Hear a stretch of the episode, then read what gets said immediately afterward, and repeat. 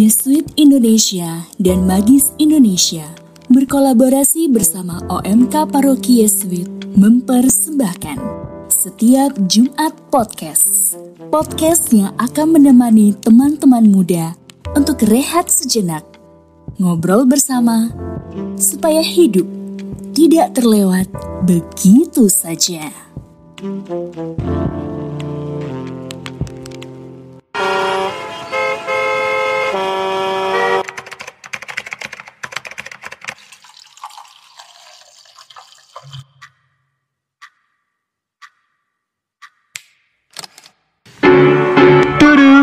Setiap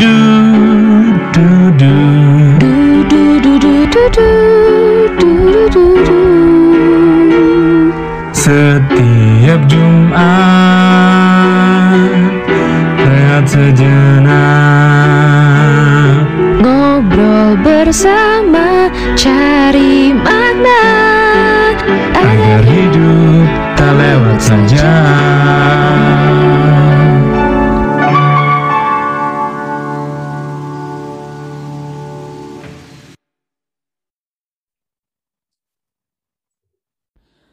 sahabat setiap Jumat Podcast, gimana kabar kalian?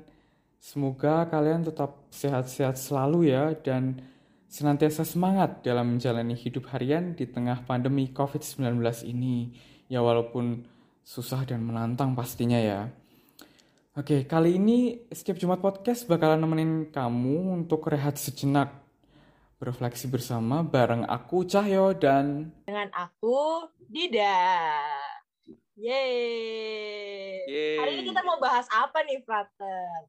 Kayaknya seru banget nih Wah pembahasan. iya ya.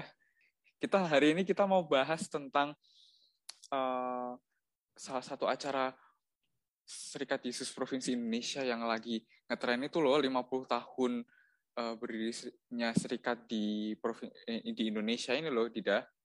Oh, Nah. yang itu ya yang ditayang-tayang di gereja itu ya, Frater? Iya, iya.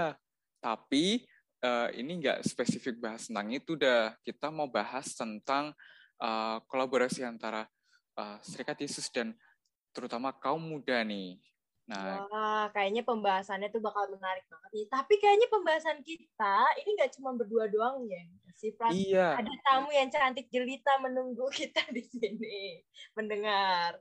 Kita kenalan dulu kali ya sama tamu cantik jelita ini. Siapa Eh, tahu ada sorry, yang sorry, tertarik. sorry, sorry. Kayaknya kita perlu kenalan dulu deh, Dida. Oh iya, Karena kita kan lupa. orang baru nih. Siapa kita? Oke, mulai dari kamu dulu dah. Oh ya, untuk pendengar, kenalin nama aku Kandida Tisyani. Kalian bisa manggil aku Dida. Aku mahasiswa baru lulus di ISIP Jakarta.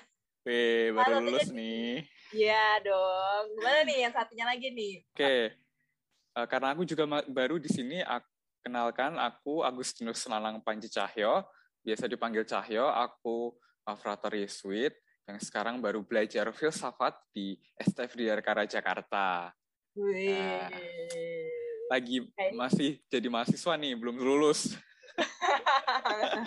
Gak apa-apa lah. Nah, kan kita udah kenalan nih, berdua Mm-mm. kan. Jangan cuma PDKT berdua doang nih, Fat. Kan ada Iya, tadi iya, udah- kayaknya kurang Udah ya. dikenalin tuh cewek cantik ini. Masalah kasihan dia kan gak dipanggil-panggil. Ini dia Kak Revita. Halo Kak Revita. Halo Frater Cahyo, halo Dida. Halo Kak Halo, Revita. halo. Bagaimana kabar nih Kak Revita nih? Sehat, puji Tuhan. Frater sama Dida gimana nih kabarnya? Ah, puji Tuhan sehat juga. Ya, Iya, walaupun agak-agak sedeng dikit sih karena kesibukan harian biasalah. Nah, Plater, aku mau nanya nih Kak Revita. Hmm, kerjanya apa nih selama ini nih? Mungkin eh, teman-teman di sini mau mendengar kali nih kerjanya Kak Revita ini apa, mungkin statusnya apa, ya kan? Siapa tahu ada yang tertarik. Bener-bener. em, mungkin Kak Revita bisa kenalin eh, diri Kak Revita sendiri ya, gitu ya. Mungkin detailnya dan ya tadi yang disebutin Dida gitu ya. Silahkan Revita. oprek gitu ya. Iya. Oke, halo sobat setiap Jumat ke podcast. Namaku Margareta Revita, biasanya dipanggil Revita. Aku kesibukannya sekarang ini bekerja di Provinsialat Serikat Yesus sebagai tim komunikator. Nah, Provinsialat itu eh, kantor pusatnya Serikat Yesus se-Indonesia gitu. Kalau Wah, status status masih dipertanyakan. Oh gitu. Berarti masih nyari nih teman-teman setiap Jumat podcast yang uh, ada lowongan. Oprek. bisa bisa menghubungi nomor di bawah ini ya enggak ada ya. anyway, anyway. Oke. Oh, wah ini berarti orang penting nih ya Dida ya. Betul Ah, orang banget muda nih. penting yang bekerja bersama Yesuit di pusatnya lagi loh. Aduh, aku harus hati-hati nih. Kenapa ter? Nanti ditendang ya Frater ya. jadi spy eh, diem-diem nih. Ah, aku mau nanya-nanya lagi nih ke Kak Revita. Hmm. Pastinya Boleh, kan boleh. kalau kerja di tempat tadi tuh sama eh, frater-frater romo-romo, berarti sering dong ketemu frater-frater atau romo-romo yang ibaratnya ganteng kali ya. Sering banget Dida. Apalagi kan aku selain kerja di Yesuit, eh, lingkunganku juga maksudnya aku gerejanya juga Yesuit juga. Jadi otomatis ketemunya juga Romo Yesuit, Frater Yesuit gitu. Ya isinya cakep-cakep gitu sih. Tapi ya saklek galak gitu. oh, berarti Kak Revita kenal pertama kali dengan Yesus itu di mana Kak Revita kalau boleh tahu?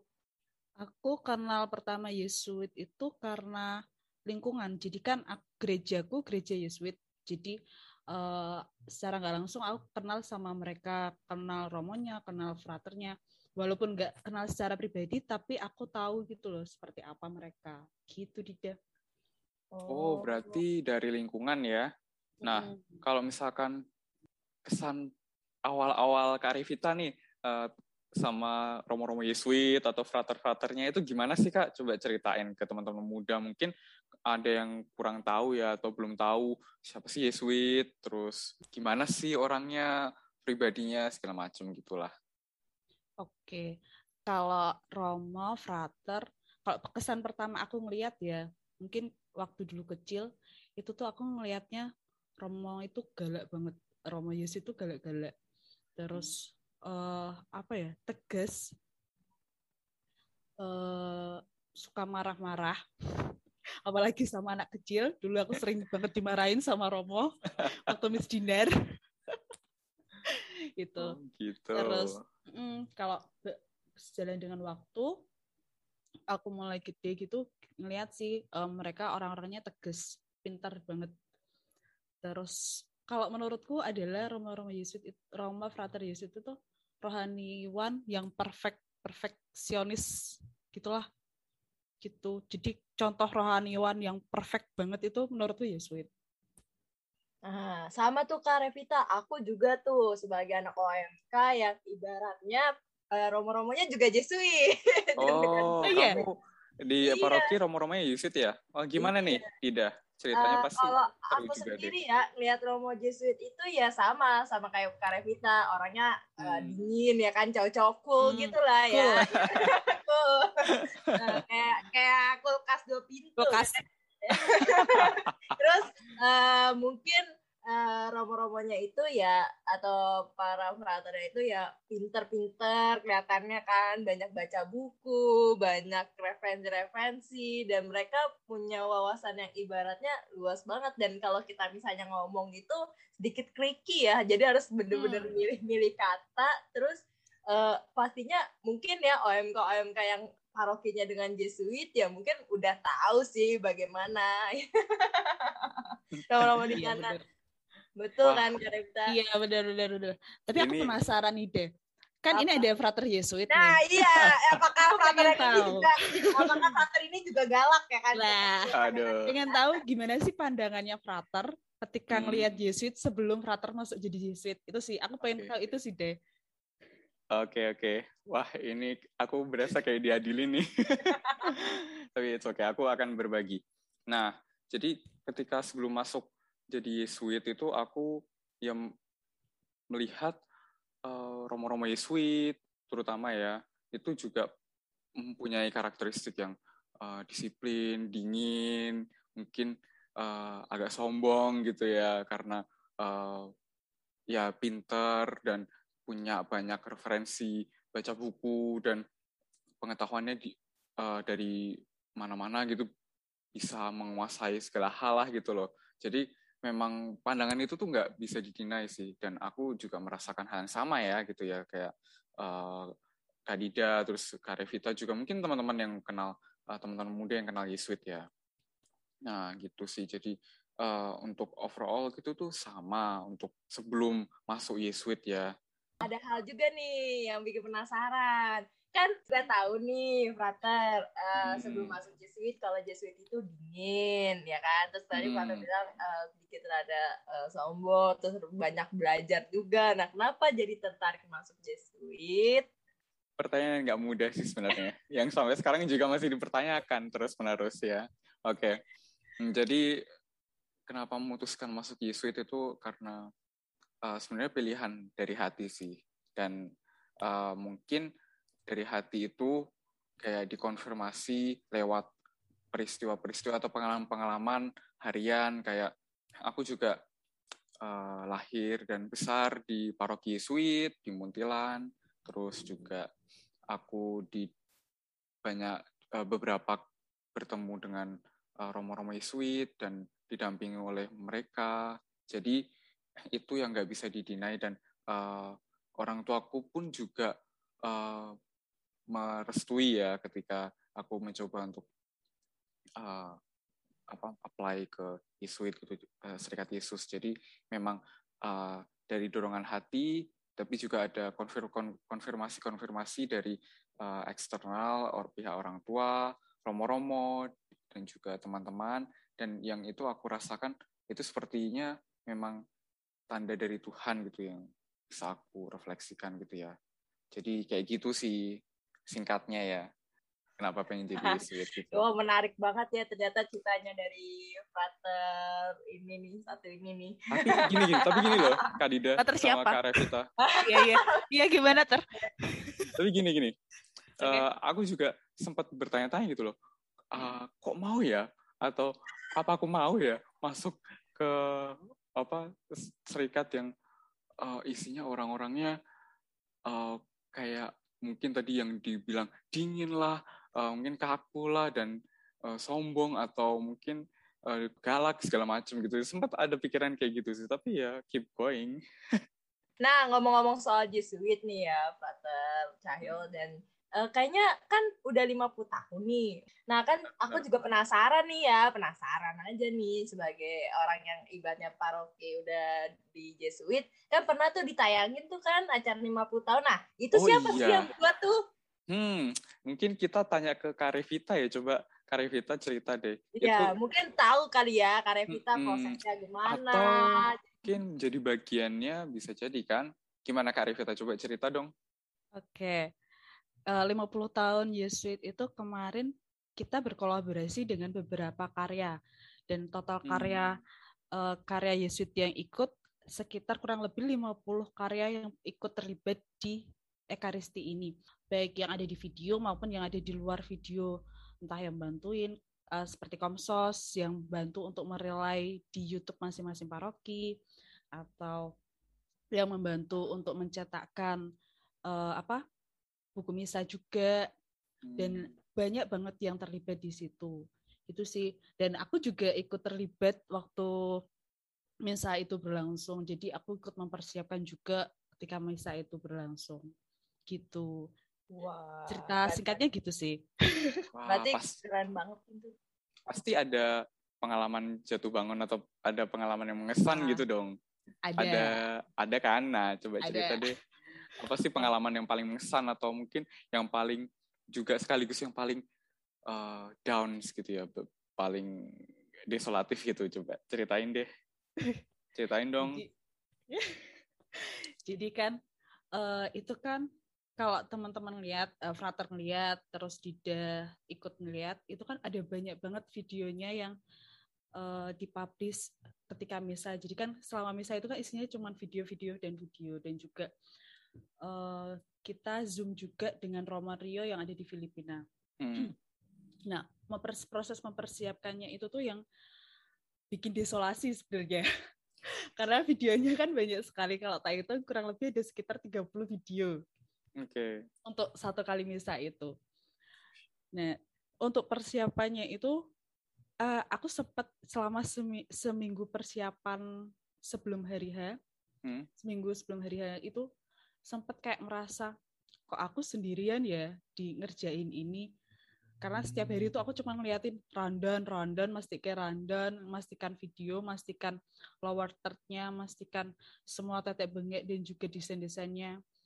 Belum lagi masih eh, apa untuk media sosialnya juga mempersiapkan media sosial. Jadi di situ sempat kayak ada posisi kok aku sendirian ya kayak aku capek banget. Terus sempat eh, jadi di rumah pun aku masih lihat kerjaan gitu loh, masih nge ngeceki rundown, ngeceki video gitu. Nah, posisinya itu aku eh, di minggu itu tuh masih ikut latihan rohani. Latihan rohani pemula. Oke. Terus eh, di situ karena aku udah posisinya capek banget, tapi aku harus tetap latihan rohani. Akhirnya aku cuman dengerin video yang dikirim sama romo pembimbingku. Aku cuma dengerin video, aku diam dengerin video, aku cuma bilang sama Tuhan, Tuhan aku tuh capek banget. Kok aku ngerasa kayak aku sendiri sih kerja di sini mempersiapkan ini semua kok sendiri. Padahal sebenarnya di balik itu tuh banyak banget yang bantuin aku. Tapi namanya juga orang capek ya.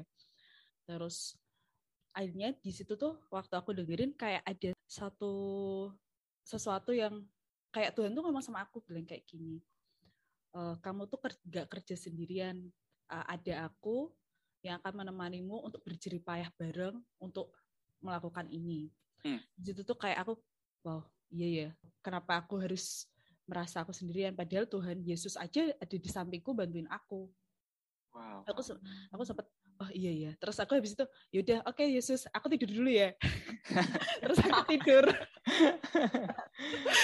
Habis itu aku tidur terus paginya balik lagi kerja rasanya kayak bener-bener kayak ditemenin gitu loh Tuhan eh Yesus aku mau nyelesain ini ini ini ini ini kayak selesai semua gitu loh kerjaan yang harus jadi jadi- kayak tanganku tuh jadi selesai semua gitu loh.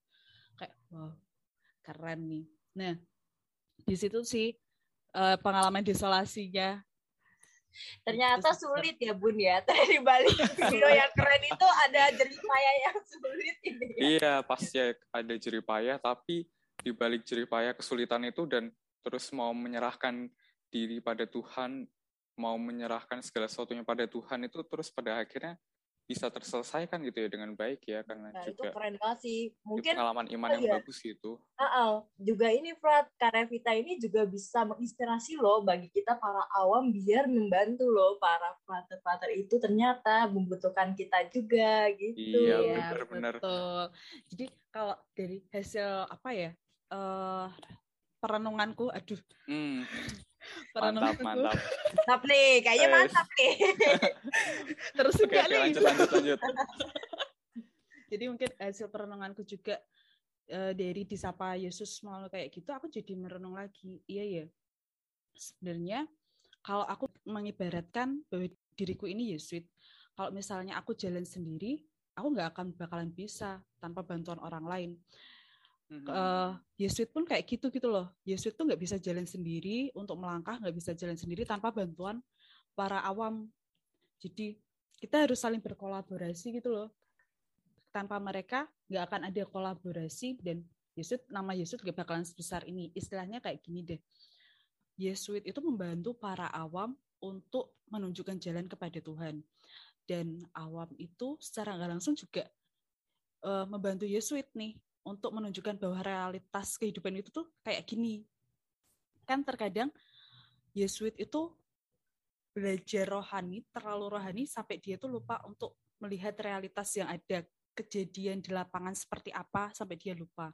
Nah, dengan adanya awam itu biar membuka mata mata batin, membuka kacamata baru untuk para Yesuit eh, tentang realitas yang ada. Jadi biar bisa sama-sama bareng dan terkadang juga istilahnya eh, para awam pun lupa bahwa sebenarnya mereka terlalu melihat mereka hanya melihat realitas yang ada sampai lupa untuk melihat sisi rohaninya di dalam dirinya juga. Hmm, hmm, Jadi, hmm, hmm. Kalau menurutku sebenarnya adalah Yesuit sama awam tuh kita jalan bareng gitu loh. Kita kayak istilahnya eh, apa simbiosis mutualisme, saling menguntungkan satu sama lain gitu. Kak, Hmm. tapi aku juga mau nanya nih, selama Hmm. proses itu pandangannya langsung berubah nggak sih Kak setelah itu? malah Pandangan ini ya Terhadap Jesuit, terhadap ya. Jesuit ya. Iya, terhadap Jesuitnya. Jadi yang sebelum awalnya itu yang lihat Yesuit saklek terus apa namanya kaku gitu berubah sih. Setelah setelah aku terjun langsung ketemu sama Yesuit, sama Frater, Romo, gitu merubah pandanganku sih. Ternyata mereka nggak sesaklek itu, nggak segalak itu. Kalau pintar tetap, cuman nggak seperti konota eh, seperti yang kita bayangkan gitu loh mereka punya ciri khas mereka masing-masing, mereka punya keunikan mereka masing-masing di setiap pribadinya. Gitu sih deh. Iya, betul banget nih. Salah satunya nih Prater kita satu ini kan juga Iya, gak galak ya bener. Prater Cahaya. iya, tapi aku pengen tahu Semoga sih, ya. kan Frater, Frater berubah juga nggak setelah Frater masuk ke Yesuit? Hmm. Berubah pandangan nggak tuh? Iya, pertanyaan yang bagus ini. Jadi, menurutku, aku merasa juga mengalami hal yang sama ya. Jadi eh, ketika ma- sudah masuk ke Serikat Yesus gitu ya, aku melihat bahwa ternyata nggak semuanya kayak gitu punya sifat yang galak, dingin, sombong gitu. Eh, tapi aku melihat banyak eh, keunikan-keunikan yang ada dan eh, masing-masing setiap orang itu tuh eh, beda-beda gitu loh sifatnya dan punya keunikan masing-masing dan nggak semuanya juga galak gitu. Ada yang inspiratif juga, misalkan mungkin di kalangan teman-teman muda eh, mungkin ada yang kenal Romo John Guer ya itu dia eh, bergerak di eh, di magis sekaligus juga gerakan kaum muda yang lainnya gitu. Mungkin eh, itu juga jadi salah satu figur yang inspiratif juga gitu ya yang inspiratif bagi teman-teman muda gitu. Dan ya enggak jadi pandangannya aku juga semakin ke sini juga semakin berubah sih semuanya tergantung uh, orangnya ya. Hmm, tergantung masing-masing pribadinya gitu sih. Jadi Betul gitu. banget sih, Prat. Kalau aku sendiri juga mengalami hal yang sama. Maksudnya eh, selama berjalan dengan OMK dan juga romo-romo Jesuit juga ternyata mereka bisa ramah juga. Ada beberapa romo yang ramah terhadap anak-anak kecil gitu kan, Iya. nyamperin anak kecil, berkatin anak kecil gitu ya. Ternyata nggak segalak yang ibaratnya kita pikirkan. Ternyata mereka bisa se eh, apa ya sejoy segabung itu, sekomen itu sama umat. Tapi terkadang terkadang nih teman-teman OMK juga kadang lupa kalau ternyata mereka tuh sebenarnya punya peran aktif untuk ibaratnya membantu para romo dan juga para frater-frater nih. Iya, bener Oh, banget sih. Betul banget. Hmm.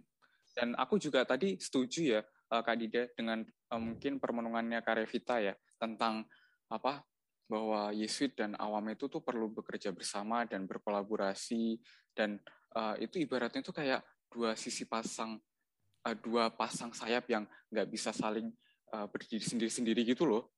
Jadi memang harus apa dengan adanya eh, kolaborasi itu terjadi nuansa balancing gitu loh. Eh, keseimbangan itu tuh terjadi. Jadi eh, gerak untuk ke arah yang lebih baik eh, Ya menciptakan intinya harus sama-sama bersama lah ya. Seperti Mm-mm. pasang sepatu kan nggak bisa cuma sebelah Iya. doang. ya kan kan tulus lagunya tulus kan benar benar Sepatu benar sepatu tuh kan Benar, benar. sebelah doang. Jadi Mm-mm. Iya. yang satunya basah ikut basah ya kan. Ah, Satunya yang satunya nih. iya benar banget Eh, pokoknya hari ini tuh perenungan kita tuh keren banget deh kalau karena ada Revka, Revita dan juga. Ayo ini.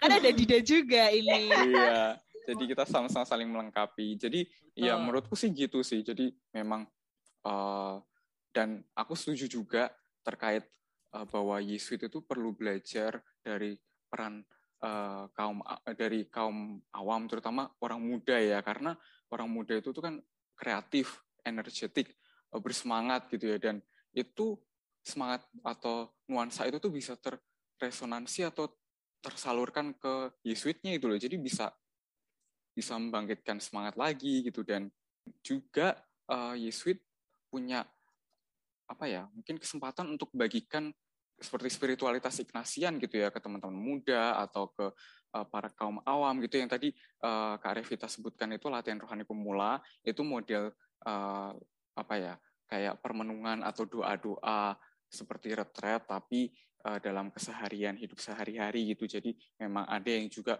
khusus untuk eh, kaum awam gitu jadi nanti bagi teman-teman muda yang tertarik gitu bisa yang mengikuti Iya, ya. promosi nih ya Prat ya. Kayaknya aku termasuk awamnya nanti akan tertarik ikut pelatihan rohani nih sebenarnya. Dia belum ikut ya? Dia belum ikut. Belum. Boleh, Aku boleh, ikut boleh. ya, ikut, karena Seru loh, uh, seru. sebenarnya Seru. masih eh, mungkin belum begitu mengenal sih pelatihan rohani kan. Kita orang jadi Mm-mm. kayak "Ah, kayaknya seru nih. Wah, Ya. kayak pembahasan kita kayaknya udah seru banget dan juga udah panjang banget nih, ya kan? Juga pendengar-pendengar kita OMK-OMK di, di luar sana mungkin lebih bisa eh, mengenal dan bisa lebih aktif lagi mungkin di gereja untuk membantu para romo dan frater-fraternya yang tadi yang disampaikan, ya kan? Nah, pendengar ini bisa dengerin siaran kita ini lewat mana ya? Apa denger radio analog atau apa ini? Oh iya iya, benar-benar. Nah, untuk sahabat setiap Jumat podcast, teman-teman bisa mendengarkan di uh, Anchor dan Spotify. Tapi selain itu juga bisa mengakses setiap Jumat podcast di Radio Katolikana dan i-Katolik di ponsel masing-masing. Wah, Gitu, tapi Dida. selain itu juga Mhm. jangan lupa untuk follow Instagram tiap Jumat podcast karena Bener banget. situ ada updatean-updatean terseru lainnya. Siapa tahu nanti ada suara-suara dari Brother Cahyo kan gitu. Jadi tetap didengerin ya atau ada updatean yang lainnya ya kan yang Iya. lebih seru lainnya. Nah, ini kayaknya eh, Kak Revita ada ada pesan lagi nggak nih sebelum kita menutup ini? buat teman-teman OMK dan sobat-sobat SJP, eh, bareng-bareng yuk kita sebagai awam, kita membantu Yesus untuk mereka lebih melihat realitas yang ada dan menjaga mereka biar mereka tetap berada di panggilannya. Dan buat Mhm. teman-teman dan untuk teman-teman Yesuit, Roma Yesuit dan Frater Yesuit, jangan lupa Jangan kami lupa bruder juga. Oh iya bruder, iya lupa. Jangan lupa kami para awam dibimbing, ditunjukkan ke arah jalan yang benar ya. kami takut sesat.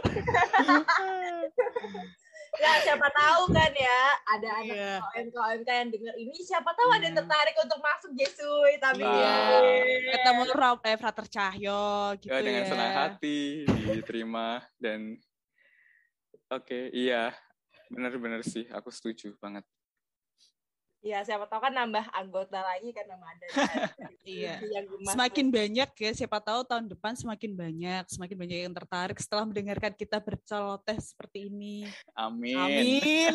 ya siapa tahu kan pandangannya mereka berubah langsung ah tertarik nih ikut gitu kan. Ah, masih Yesus aja. ah. Iya. oke Oke, kayaknya udah selesai nih Kak. nggak kerasa nih ya kita udah di penghujung acara nih ya Dida ya Betul banget. Buat Kak Revita terima kasih banyak ya sudah mau Siap. menghadiri undangan kami menyetujui undangan kami untuk mengisi di uh, acara setiap Jumat podcast Siap. Thank you Frater. Thank you Dida. Terima kasih juga untuk Walter dan juga terima kasih untuk Kak Revita dan terima kasih untuk para pendengar. terima Bye-bye. kasih semuanya Terima kasih untuk para pendengar semuanya. Jangan lupa untuk selalu dengerin episode-episode terbaru setiap Jumat Podcast. Dan jangan bosan-bosan untuk dengerin kami di setiap Jumat Podcast. Terima kasih dari aku kandidat Tisyani dan partner aku. Agus Nur Selanam Panji Cahyo dan Margareta Revita. di setiap Jumat podcast mari rehat sejenak Ngobrol bersama. Supaya hidup tidak terlewat begitu saja. Yeay, terima kasih Terima kasih.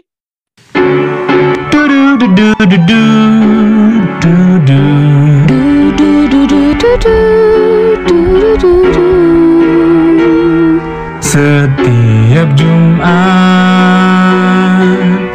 Rehat sejenak Ngobrol bersama bermakna Agar hidup tak lewat saja.